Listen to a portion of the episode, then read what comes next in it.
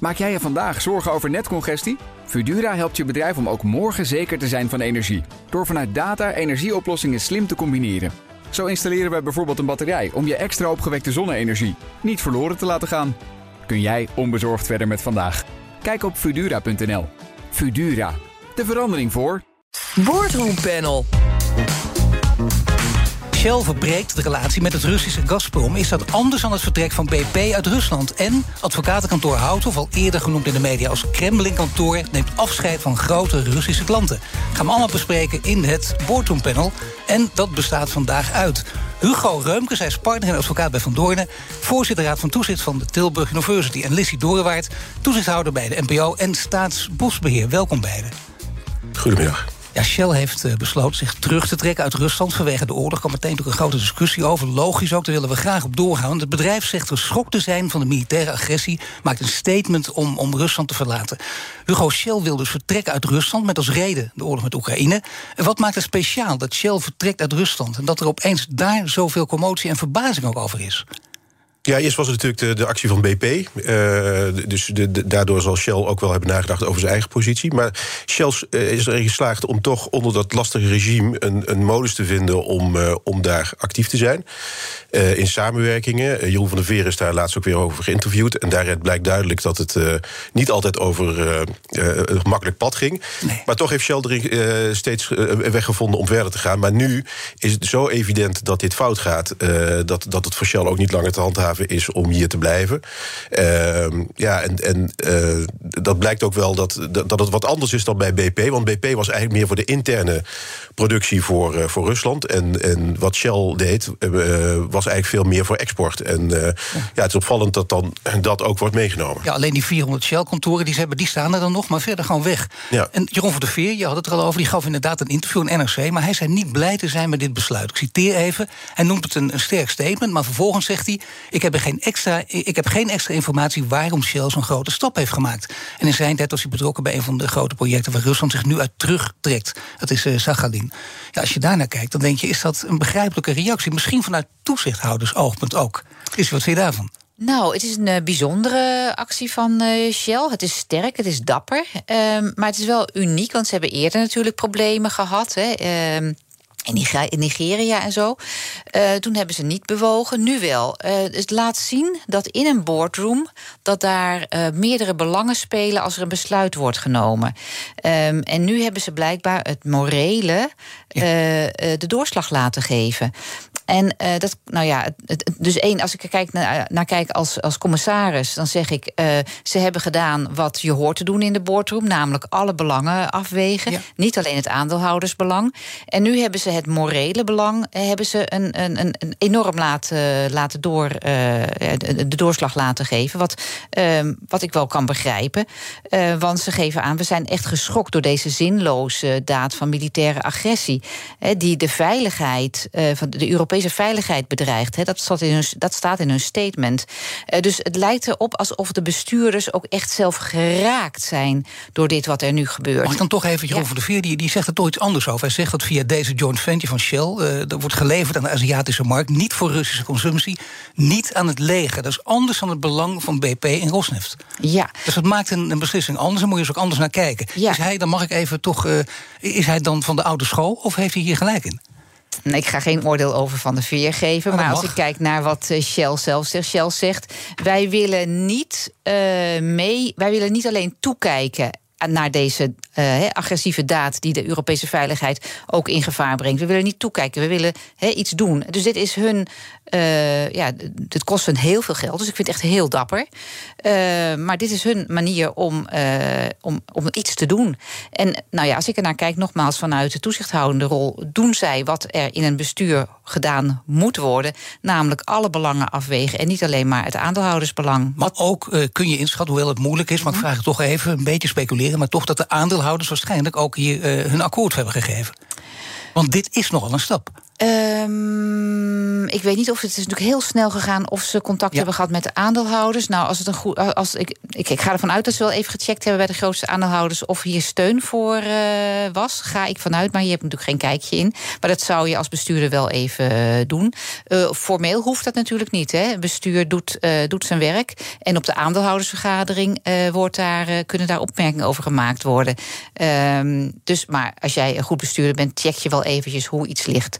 Maar het, kan dat het toch ook. Ja, maar het kan dat het niet gebeurd is. Dat kan wel. Nee, ja, we, we, we, mogen we, ik, ik, geef toe te speculeren, maar dit kan toch bijna niet anders dat er even contact is geweest. Ja, nou ja, Shell, uh, Shell, in Rusland is altijd al een beetje een Houdini-act geweest. Hè. Uh, er hebben allerlei kunstgrepen moeten uithalen om dat goed te laten lopen. Uh, dit is een stap te ver. Wat ik wel interessant vind, ook wat, wat Lizzie zegt, is dat alle belangen zijn afgewogen. En over Shell is veel natuurlijk gezegd en geschreven. met name de maatschappelijke context had misschien af en toe in de besluitvorming wat duidelijker naar voren kunnen komen. Hier lijkt het te zijn dat dat, dat nu echt goed doorklinkt. En uh, dat is misschien ook wel een markering die betekenisvol is ten opzichte van de koers die Shell in het verleden heeft gehad. Nou is er nog, nog een opmerking van de, van de Veer, want het is niet voor niets dat ik hem vaak citeer, omdat hij een paar opmerkelijke dingen roept. Hij zegt ook dat Europa klant moet blijven van Rusland, anders krijg je een boze, onberekenbare buurman. Nou ja, dat is natuurlijk een strategisch inzicht. Is dat een inzicht dat wat ook echt gedeeld zal worden bij Shell na een tijdje, of niet? Ik heb, ik heb het gelezen en toen dacht ik, nou ja, we hadden nu een heel groot belang in Rusland. En uh, ook nu is uh, Poetin al onberekenbaar. Dus het houdt niet echt, uh, het is niet echt een sterk argument van hem. Nee, een strategisch argument, dan ga je ervan uit dat beide ook dezelfde logica hanteren. Ja, en nu zaten we er heel dik in. En ook nu is Poetin onberekenbaar. Dus ik denk niet dat dat, dat, dat steek houdt. Maar het is zijn mening. Hij had wel een andere opmerking die ik heel erg interessant vond. Namelijk dat hij de eerste tien jaar uh, toen Poetin bezig was, hij wel vond dat Poetin voor zijn land goed bezig was. En na 2010 uh, Poetin moeilijker te lezen leek te zijn. He, dat gaf Van der Veer aan in het interview. Ja. hij is afstandelijker en hij is overtuigd van het eigen gelijk. En dat is heel interessant. Dit is eigenlijk een proces wat je bij alle, vrijwel alle leiders ziet. Behalve bij de Mandela's van deze wereld. Maar bij 98% van de leiders zie je, als zij succesvol zijn en goede dingen doen. en onvoldoende tegenspraak krijgen.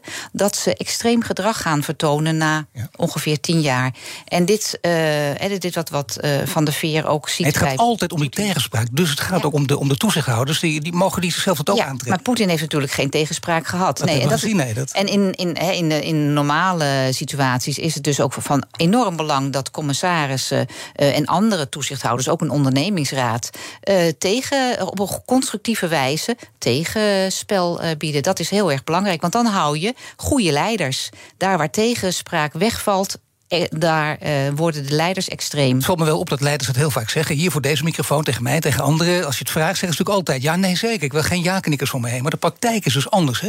98 procent, dat is nogal een aantal. Ja, wat ook interessant is, wat, wat, wat je tussen de regels door kan lezen... is op een gegeven moment is dus een, de helft van het project eigenlijk opgeëist. Uh, en van de Veer wordt gevraagd, ja, wat betekent nu eigenlijk dat je wegtrekt? En dan blijkt dus ook dat er geen houvast is... bijvoorbeeld in een contract of andere afspraken. Wie krijgt nou eigenlijk dat belang van Shell? Wat moet daarvoor worden betaald? Hoe wordt dat afgewikkeld? Al die dingen liggen open. En dat geeft dus aan dat het, dat het nou, wat ik net zei, een Houdini-act is geweest om daar goed te ondernemen. En het wordt ook wel spannend voor Shell om te zien. Ook al overleg je met de aandeelhouders, hoe kom je hier eigenlijk uit? Hè? Wat, is, wat is de exit-strategie? Uh, want je kunt het besluit wel nemen, maar hoe, hoe ga je dat dan precies doen? Uh, je wil ook niet dat je eigenlijk een regime wat je verafschuwt, uh, opeens een cadeautje geeft door de helft van het project nog eens een keer op te geven. dus er zit nog wat aan, aan de strijkstok waarschijnlijk voor Rusland. BNR Nieuwsradio. Zaken doen. Paul van Liemt. We zitten midden in het boardroompanel. Vandaag met Hugo Reumkes, partner en advocaat bij Van Doornen... en voorzitter Raad van Toezicht van de Tilburg University... en Lizzie Doorwaard. Ze is toezichthouder bij de NPO en bij Staatsbosbeheer. We gaan nu praten over Houthof. Want Houthof beëindigt zijn relatie met de Russische klanten. Advocatenkantoor staat al jaren uh, bij de Russische Federatie bekend... Uh, als het, althans hier bekend in de media als het Kremlin-kantoor. Het, wordt een, het is, heeft nu een groot conflict met energiebedrijf Yukos...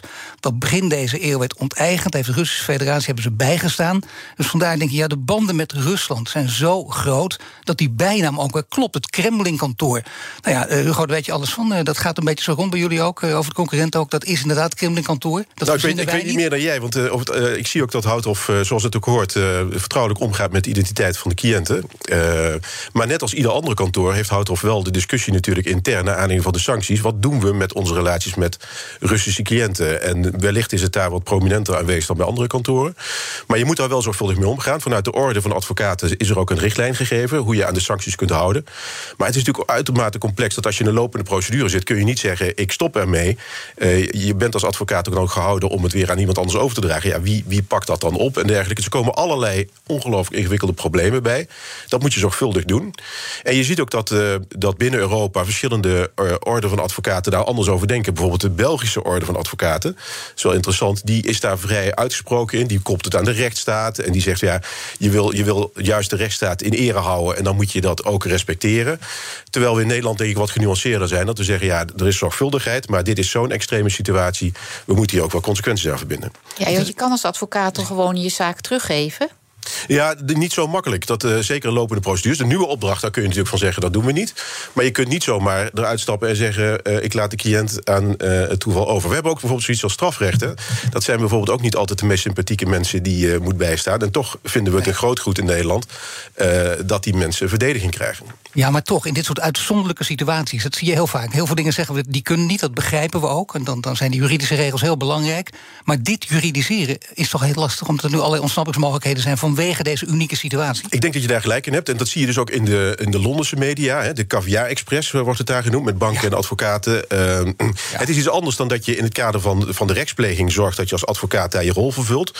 Of dat je bijdraagt aan uh, zeg maar de business... die uh, eigenlijk daaruit voortkomt... en daar zelf ook een profijt van hebt. En dat staat niet op gespannen voet. En daarom is het ook goed dat vanuit de orde... en nu misschien ook van een aantal andere kantoren wordt gezegd... ja, hier doen wij niet aan mee. En dat er ook een duidelijk standpunt wordt ingenomen. Maar toch, uh, ze hebben niet echt haast gemaakt, Houthof. Er kwam flinke druk, ook mediadruk natuurlijk. En dan ga je misschien ook daar anders over denken. Nogmaals, zitten speculeren, dat weten we niet. Maar toch, je kunt dus niet zomaar, ook in deze extreme situatie... als Kremlin-kantoor zomaar afscheid nemen van de Russische federatie. Nou, ik denk niet dat. Uh, ik weet niet hoe dat bij Houthof gaat met de besluitvorming. Maar ik weet wel hoe je daar als advocaat mee moet omgaan. En dat moet zorgvuldig. En haast en zorgvuldig gaat meestal niet zo goed samen. Dus dat je daar eventjes over nadenkt. Uh, ik denk dat het verstandig is. En Houthof is ook gisteren met een verklaring gekomen. dat ze dat her, uh, gaan herbezien. En dat ze daar een nieuw, nieuw beleid op gaan, gaan voeren. Maar dat betekent wel dat je de bestaande relaties op een fatsoenlijke manier moet afwikkelen. Daar komt bij. Niet alle Russische cliënten zijn slechte cliënten. We hadden het net al over Zuid-Afrika bijvoorbeeld. Met Mandela. Ik kan me nog herinneren, Paul Simon daar een plaat opnam met, uh, met Lady Smith, Blackman Bazoo. En toen werd hij daarvoor veroordeeld. En achteraf heeft hij juist bijgedragen aan de grote verandering die er was. En er zijn misschien ook Russische cliënten uh, die juist die verandering willen, willen bevorderen. En ja, die je dan ook van rechtsbijstand zou, zou afsluiten. Dus maar het is allemaal niet steeds, Politici zeggen het ook. Het gaat niet om Rusland, het gaat ons niet om de Russische bevolking. Het gaat exact. om Poetin, maar natuurlijk wel om de kliek daaromheen. Ja. Maar uh, in deze verwarrende tijd om te zeggen... dit zijn de good guys en dat zijn de bad guys... ik vrees dat de realiteit altijd wat complexer is. Ja, maar Houthof ja, dus... die staat de federatie bij, hè? dus echt de Russische staat. Dus ja. in dit geval is het duidelijk dat dit niet een good guy is. Uh, dus... daar, is daar is het evident en volgens mij hebben ze daarom ook die, die dat beleid herzien. Maar uh, er zijn natuurlijk ook verder integrijs die daarin passen. En om dan zomaar ruksigloos te zeggen... We, we, nemen van alles afscheid, ik denk dat dat niet goed is. Maar die daarom... federatie dus wel, want dat is inderdaad... Ja, die zegt, ja. dat is het grote verschil. Nou ja, en hier helpt ook in die grote advocatenmaatschappen uh, dat, dat er steeds meer een discussie is over intern toezicht. Hè. We hebben uh, de externe toezichthouder als de orde. Maar veel advocaatkantoren hebben door alle ontwikkelingen die recent zijn geweest ook besloten dat het verstandig is om interne raad van commissarissen of raad van toezicht. Jullie dat ook? Wij zijn daarmee bezig, ja. En uh, we hebben uh, gemeend dat het verstandig is om die maatschappelijke uh, klankbord eigenlijk te, te, organiseren. Zodat die tegenspraak waar we net over hadden, ook in, in besluitvorming over dit soort zaken. Maar hoe komt dat? dat, dat, dat je zou bijna zeggen dat is toch een, een, logische gang van zaken. Dat je ook intern toezicht op nahoudt. Wat, wat is de reden dat dat, dat niet is gebeurt? er ook wel, maar dat is dat niet houdt, dat, dat, houdt maar op. Nou nee, maar het is niet geformaliseerd. We hebben intern toezicht door allerlei commissies en dergelijke. Maar nu komen er echt mensen ook van buiten. die die maatschappelijke rol vervullen om, om te horen horen binnen de beslotenheid die je ook in de advocatuur in acht moet nemen. Want het is niet zo dat we alles zomaar op straat kunnen leggen. Uh, om juist zorgvuldig daarin om te gaan en transparant te kunnen opereren in die moeilijke markt. Nee, maar dat is inderdaad een hele interessante ontwikkeling. Want het klopt. Er zijn heel veel haken en ogen aan. Dat is niet zomaar een dood Dat is natuurlijk zo. Maar dat intern toezicht, is dat toe te juichen? Je ziet dat dat uh, gebeurt? Jazeker. Uh, je ziet in Nederland niet alle bedrijven uh, zijn verplicht om een raad van commissarissen of een raad van toezicht te hebben. sommige sectoren zijn het wel verplicht, hè, zoals in de zorg en in de woningbouwcorporaties. Bij beursgenoteerde organisaties, bij organisaties van een bepaalde grootte, die moeten een raad van commissarissen hebben. maar veel notariskantoren, advocatenkantoren en tot voor kort ook de accountantskantoren hadden geen raden van commissarissen. Nou, bij accountantskantoren is bijvoorbeeld afgelopen jaren is het verplicht gesteld en die hebben dat. Um, en je ziet dus nu een beweging ook bij, hè, wat Hugo zegt, bij um, advocatenkantoren om zelf te vragen naar. Is het niet heel lastig om dan toezicht te houden? Want uh, wat Hugo zegt is natuurlijk waar. Je kunt ook niet, uh, je, je, hebt ook met geheimhoudingsplicht te maken. Je kunt niet alles op tafel leggen. Kun je dan wel intern ja, toezicht ja hoor, ja hoor, ik ben, ik ben toezichthouder geweest bij heel veel sectoren. En je staat op afstand van het bestuur. Je kijkt niet mee in dossiers, maar je hebt het wel met elkaar. Hoe doen wij de business? En waar zitten de risico's in onze business? Waar zitten de kansen in de business? En daar kan je als Raad van Commissaris heel goed in meedenken. Maar ik wil, ik wil iets vertellen, nog, zeggen nog over de Houthof-casus. Wat ik interessant vind is, je ziet hoe moeilijk het is voor de, de uh, top van Houthof om hier um, in te bewegen. Hè? En ik, dat is natuurlijk menselijk. Er is, het is heel menselijk om uh, niet te veranderen als het niet uit jezelf komt. En in dit geval is het niet iets uit zichzelf, wat bij Shell, waar we het net over hadden, blijkbaar wel is gebeurd. Hè? Dit was een, een besluit van Shell zelf. En hier wordt Houthof uh, voor hun gevoel natuurlijk van buiten gevraagd om iets te doen. Nou, en dat daar hebben we als mens, en dus ook Houthof, heeft daar heel erg moeite mee om iets te veranderen wat een ander je in één keer vraagt. Zeg dat en, wel. Dus ik dat vind ik wel een aardig om uh, even ja, hier neer te leggen. Nee, dat is goed dat je het zegt, want het valt dan ook meteen in het taalgebruik op. Uh, waar juristen, met alle respect natuurlijk, hè, want, uh, geweldig getalenteerde mensen lopen daar, lopen daar rond. Maar die kunnen ook heel mooi met taal spelen. En ik zal even dat statement dan, aansluiting op wat jij zegt. Het statement dat Houthof naar buiten bracht. Wij onderzoeken op dit moment binnen het raam van onze beroepsmatige en contractuele verplichtingen welke mogelijkheden bestaan om onze relatie met bepaalde cliënten te herzien.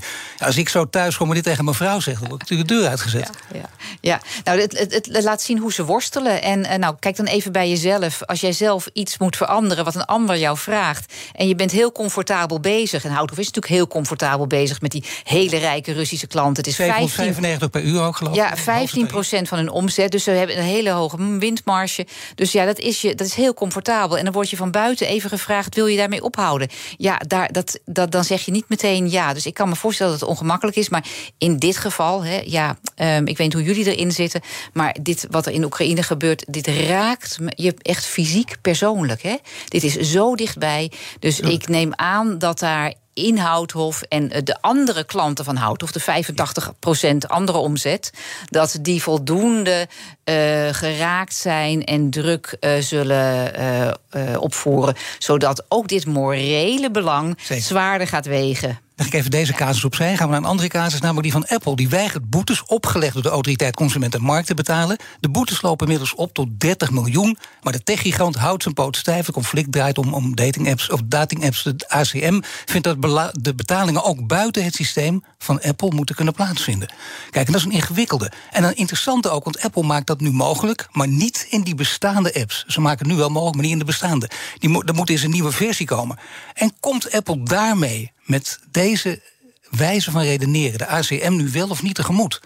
Ja, waar we dus in dit soort panels altijd voortdurend uh, tegenaan lopen, zijn de, die, die, aan de ene kant de juridische problemen en aan de andere kant de morele dilemma's. Ja. En waar je hier tegenaan loopt, is dat uh, Apple heeft uh, uh, een aantal boetes gekregen van de ACM. Dat gaat via het bestuursrecht. Dat is niet het strafrecht, maar het bestuursrecht. En de ACM kan niet meer opleggen dan ze feitelijk doet. En voor een bedrijf als, als Apple, dat echt ja, veel meer impact heeft dan wat we in Nederland ons kunnen voorstellen, is dat ten opzichte van de omzet waar het over gaat, is dat, valt dat eigenlijk in het niet. Maar is dit een soort vluchtroute van Apple dus? Nee, nee, nee. Ze, ze zeggen eigenlijk gewoon van ja, dit, de, wij, wij, nemen dat letterlijk en figuurlijk op de koop toe. En uh, die, die ruimte die is er. En het enige wat, wat Nederland aan kan doen is de wet veranderen. Om te zorgen dat er in het arsenaal voor de ACM veel mooie mogelijkheden zijn om in te grijpen. Maar, maar wat laten ze allemaal aan gebruikers zien? Dat is wel belangrijk om te weten wat voor teksten aan gebruikers voorleggen. Want daar heb je dan mee te maken. En de tekst is: deze app biedt geen ondersteuning voor het privé en veilige betalingssysteem van de App Store. Ja. Ja, dan kijk je wel tien keer uit, toch? Ja, zeker als het over dit soort eh, dating apps gaat. Dus kan ik me voorstellen dat je daar nog eens keer over nadenkt. Maar uiteindelijk gaat het meer over de routing en de, en de marge die erop wordt gemaakt. En de alternatieven die in de markt die eigenlijk niet tot wasdom kunnen komen. En ja, dat zie je wel vaker. Dat eh, bedrijven zeg maar, de sancties op de koop toenemen. om uiteindelijk hun eigen voordeel veilig te kunnen stellen. Maar omdat het voor die big tech bedrijven zo ontzettend groot is. Ja, loop je hier dus tegenaan. En uh, ja, ik denk dat, dat als je dat dan weer koppelt aan ons boardroom. Uh, dat je in de boardroom moet zeggen dat vinden wij moreel niet verantwoord. Het is niet alleen dat je aan de wet houdt, maar je wil ook aan, in de geest van de wet werken. En als je in Nederland wil, uh, wil werken, dan heb je ook je license to operate. En dan moet je je dus ook aan die afspraken houden. Je loopt in deze panels inderdaad vaak aan tegen die discussie over juridische en morele zaken. Die door elkaar heen lopen tegenover elkaar. En je loopt ook aan tegen tijdgebrek af en toe. Nu ook. Hè. We nog heel veel bespreken, maar dat kan niet meer. Dus ik dank jullie. Hugo Rumkes, partner en advocaat bij Van Doornen, voorzitter Raad van Toezicht Tilburg University. En Dooyewaard, toezichthouder bij de NPO en Staatsbosbeheer. En straks praat ik over een app die het makkelijker moet maken om personeelszaken te regelen. Maak jij je vandaag zorgen over netcongestie? Fudura helpt je bedrijf om ook morgen zeker te zijn van energie. Door vanuit data energieoplossingen slim te combineren. Zo installeren wij bijvoorbeeld een batterij om je extra opgewekte zonne-energie niet verloren te laten gaan. Kun jij onbezorgd verder met vandaag? Kijk op Fudura.nl. Fudura, de verandering voor.